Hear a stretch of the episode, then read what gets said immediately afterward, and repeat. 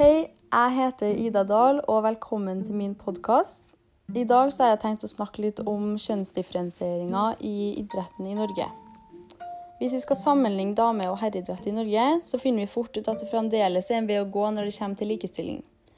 Vi har utallige eksempler på at kvinner ikke får konkurrere på lik linje med menn, og at midler i ulike organisasjoner blir prioritert på herresida framfor på damesida. Kvinner fikk ikke lov til å løpe Holmenkollstafetten før i 1975, ikke spille cupfinalen på Ullevål før i år, og fremdeles ikke lov å hoppe i skiflyging. Min oppgave i dag blir derfor å diskutere hvorfor herreidrett er ansett som mer attraktivt og mer relevant enn dameidrett, og hvilken påvirkning slike holdninger har på kvinners psykiske helse og sjølbilde. Folk som mener at dette utsagnet stemmer, og at det er bare rett og rimelig at herreidrett skal være overordna dameidretten, forklarer det ofte med at herreidrett har større underholdningsverdi. De mener at fordi herrene er både sterkere og raskere enn damer, så er det mye råere å se på herreidrett enn dameidrett. Jeg har tenkt å ta utgangspunkt i noen artikler og studier som omhandler denne kjønnsdifferensieringa, for å få et innblikk i hvorfor det er sånn her. Jeg skal hovedsakelig ta utgangspunkt i tre elementer i dag. Det er mediedekning og journalistikk, sponsorer og trenere. I en artikkel i Aftenposten med overskrift 'Fotballkvinner minst attraktiv for mediene' blir mediedekninga av norsk fotball diskutert. Blant annet snakkes det en del om boka 'Et kritisk blikk på sportsjournalistikken', skrevet av professor Gert von der Lippe ved Høgskolen i Telemark. Her kommer det frem at det er fotballkvinnene som får minst oppmerksomhet i forhold til antall prestasjoner. Selv om Norge har hatt et knallbra landslag helt i verdenstoppen, har det ikke ført til noe større mediedekning. Von der Lippe har gjennom mange år studert og analysert mediedekninga av sport, og funnet ut at så mye som 90% av Norges sportsjournalister er menn. Hun sier også at det er vanlig at de i redaksjonene sjøl har spilt fotball, og da når man sammenligner egne erfaringer med kvinners prestasjoner på banen, så er det tydelig at kvinnene ikke kommer godt ut. I en annen artikkel publisert eh, på NRK blir herrefotball og kvinnefotball sammenligna, og hvordan det ville sett ut om mannlige fotballspillere skulle ha spilt under de samme forutsetningene som kvinnene. Forskere på NTNU har i en studie sett på fysiske forhold som møter kvinnelige fotballspillere, og hvilke krav man måtte satt til mannlige fotballspillere om de skulle møtt tilsvarende. Det har da vært standarden for norske herrefotballspillere om de skulle spilt under de samme forutsetningene som kvinnene. Om mannlige keepere skulle ha stått i et mål ut fra fysiske forutsetninger eh, som tilsvarte kvinnenes, så ville det vært 61 cm bredere og 20 cm høyere.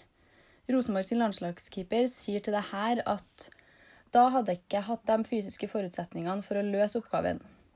I tillegg ville banen til herrene vært 27 meter lengre og 17 meter bredere sammenlignet med deres styrke, utholdenhet og spenst.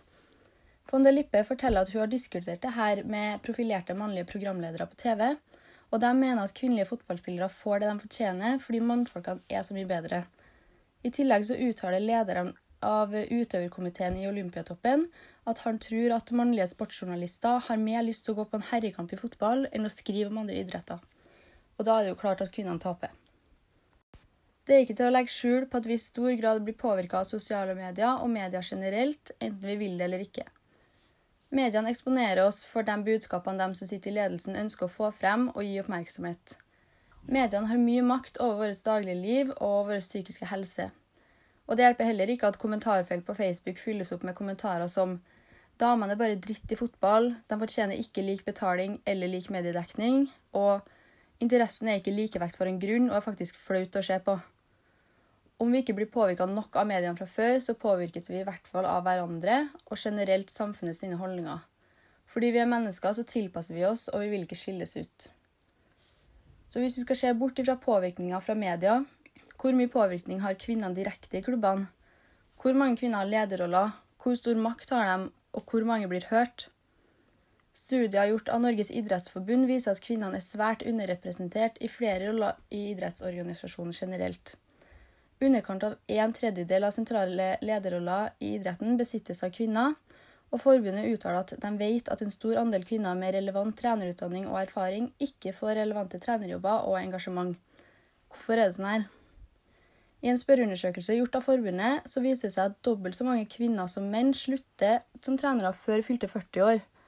Spørreundersøkelsen heter 'Trenere i norsk idrett en nasjonal kartleggingsstudie', hvor totalt nesten 6000 trenere fra 104 ulike idretter, og 49 særforbund deltok. Det var 74% menn og 26% kvinner i alderen 15 til 83 år. Studien viser også at færre kvinner blir tilbudt trenerjobber enn menn. Det viser seg at kvinner ofte opplever utfordringer og hindringer som trenere. De vektleggende faktorene er mangel på kunnskap og kompetanse samt lav selvtillit, som skal være avgjørende for at kvinner slutter som trenere. Breddeidrettssjef Anja Rynning Veum uttaler at dataene fra rapporten viser et lite bilde av et større samfunnsproblem, nemlig at kjønnsrelaterte barrierer knytta til utdanning, erfaring og sjøltillit og diskriminering. Hun mener at tiltak som kan hjelpe, er flere kvinnelige rollemodeller som kan være mentorer for unge kvinnelige trenere, eh, trenerkurs for kvinner, oppfordring og motivering til å søke på trenerstillinger, tilrettelegging for å kombinere foreldrerolle med trenerkarriere, i tillegg til at vi trenger en holdningsendring. Særlig innenfor toppidretten så velger menn som regel andre menn til viktige trenerroller. En overskrift fra en artikkel på NRK fra 2017 sier det her. Enorme kjønnsforskjeller i toppidretten. Norske menn tjente 100 millioner mer enn norske kvinner. Sponsorer er nemlig en faktor for kjønnsforskjellene i idretten, særlig i toppidretten. NRK gjorde en undersøkelse samme år som viser at i en rekke idretter så tjente kvinner betydelig mindre enn herrene. Det ble sammenligna 55 kvinnelige og 55 mannlige eliteøvere innenfor ti store idretter i landet. Og det var langrenn, skiskyting, snowboard, friidrett, svømming, fotball, håndball, ishockey og golf. Resultatet viste at herrene i 2016 tjente totalt ca. 100 millioner mer enn damene. Og golf var den eneste idretten i undersøkelsen hvor norske kvinner i snitt tjente mer enn menn.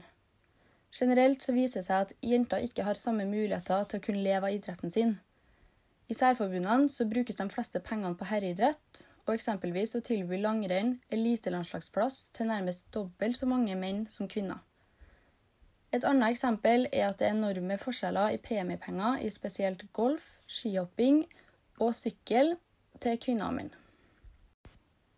Sånne holdninger om at menn på sett og vis er bedre enn kvinner, stammer fra langt tilbake. Kvinner har fått flere rettigheter og blitt mer inkludert i samfunnet med tida, i det minste i den vestlige verden. Mange tenker nok derfor at vi har likestilling i Norge, men har vi egentlig det? Basert på informasjonen jeg har funnet i dag, så vil jeg si at vi ikke er helt i mål ennå. Men hvilken effekt har kjønnsdiskriminering og holdninger om at kvinner er underordna menn på kvinners psykiske helse og sjølbilde? Som jente sjøl vil jeg si at det påvirker en, men kanskje ikke alltid bevisst. Jeg tror man ubevisst blir påvirka av hva man blir eksponert for, både av sine foreldre og fra TV og media. Hvis man vokser opp med å se menn spille fotball på TV, mannlige trenere på benken og mannlige sportskommentatorer, så vil man ubevisst automatisk tro at det er det som er det normale. Alt handler om normer og tradisjoner i samfunnet, og jeg tror at majoriteten av kvinner føler at de ikke strekker det når de sammenligner seg med menn. Og i idretten så er det faktisk et faktum. Som kvinner er vi ikke like raske og sterke som mannen ved siden av oss. Vi har ikke de samme fysiske forutsetningene, og vil tape enhver kamp hvor vi fysisk blir sammenligna med en mann. Basert på informasjonen jeg fant om sponsorer og inntekter i idretten, så tror jeg at mange av frafallene i kvinneidretten skyldes at kvinner vet at det er liten sannsynlighet for at man kan leve av idretten sin. Mange kvinner sliter kanskje med å se for seg en framtid som idrettsutøver, og gir opp drømmen om å komme langt. Kanskje er det mange som også ønsker seg familie, og at de ikke ser for seg at det vil bli mulig å kombinere morsrolle og satse karriere. Dermed så tror jeg kanskje at mange kvinner ikke tør å satse karriere og mister sjøltillit på egne ferdigheter i yrkeslivet.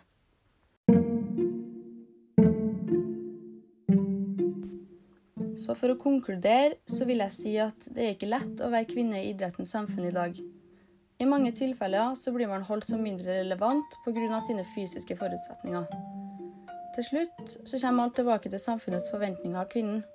Man føler at man ikke strekker til i noen arena fordi det er vanskelig å kombinere karriere og familie og sosialt liv. Jeg mener at det trengs en holdningsendring så vel som bedre tilrettelegging for at kvinner skal oppnå en likestilt suksess innen idretten. Men kommer dette til å skje i nærmeste framtid? I dag så har jeg snakka om likestilling i idretten i Norge og funnet mange gode eksempler på hvorfor vi har en kjønnsdifferensiering blant kvinner og menn. Mediene har en tendens til å gi toppidrettsmennene mer plass. På denne måten så har mannfolkene en mulighet til å bli mer synlig og mer populær blant publikum, og dermed øker også sponsorinntektene. Denne markedsmekanismen er ikke enkelt å gjøre noe med, men en skulle tro at større bevissthet blant mediefolk, publikum og sponsorer vil bidra til endringer som på sikt gir effekt. Til slutt vil jeg bare si takk for oppmerksomheten, og så snakkes vi neste gang.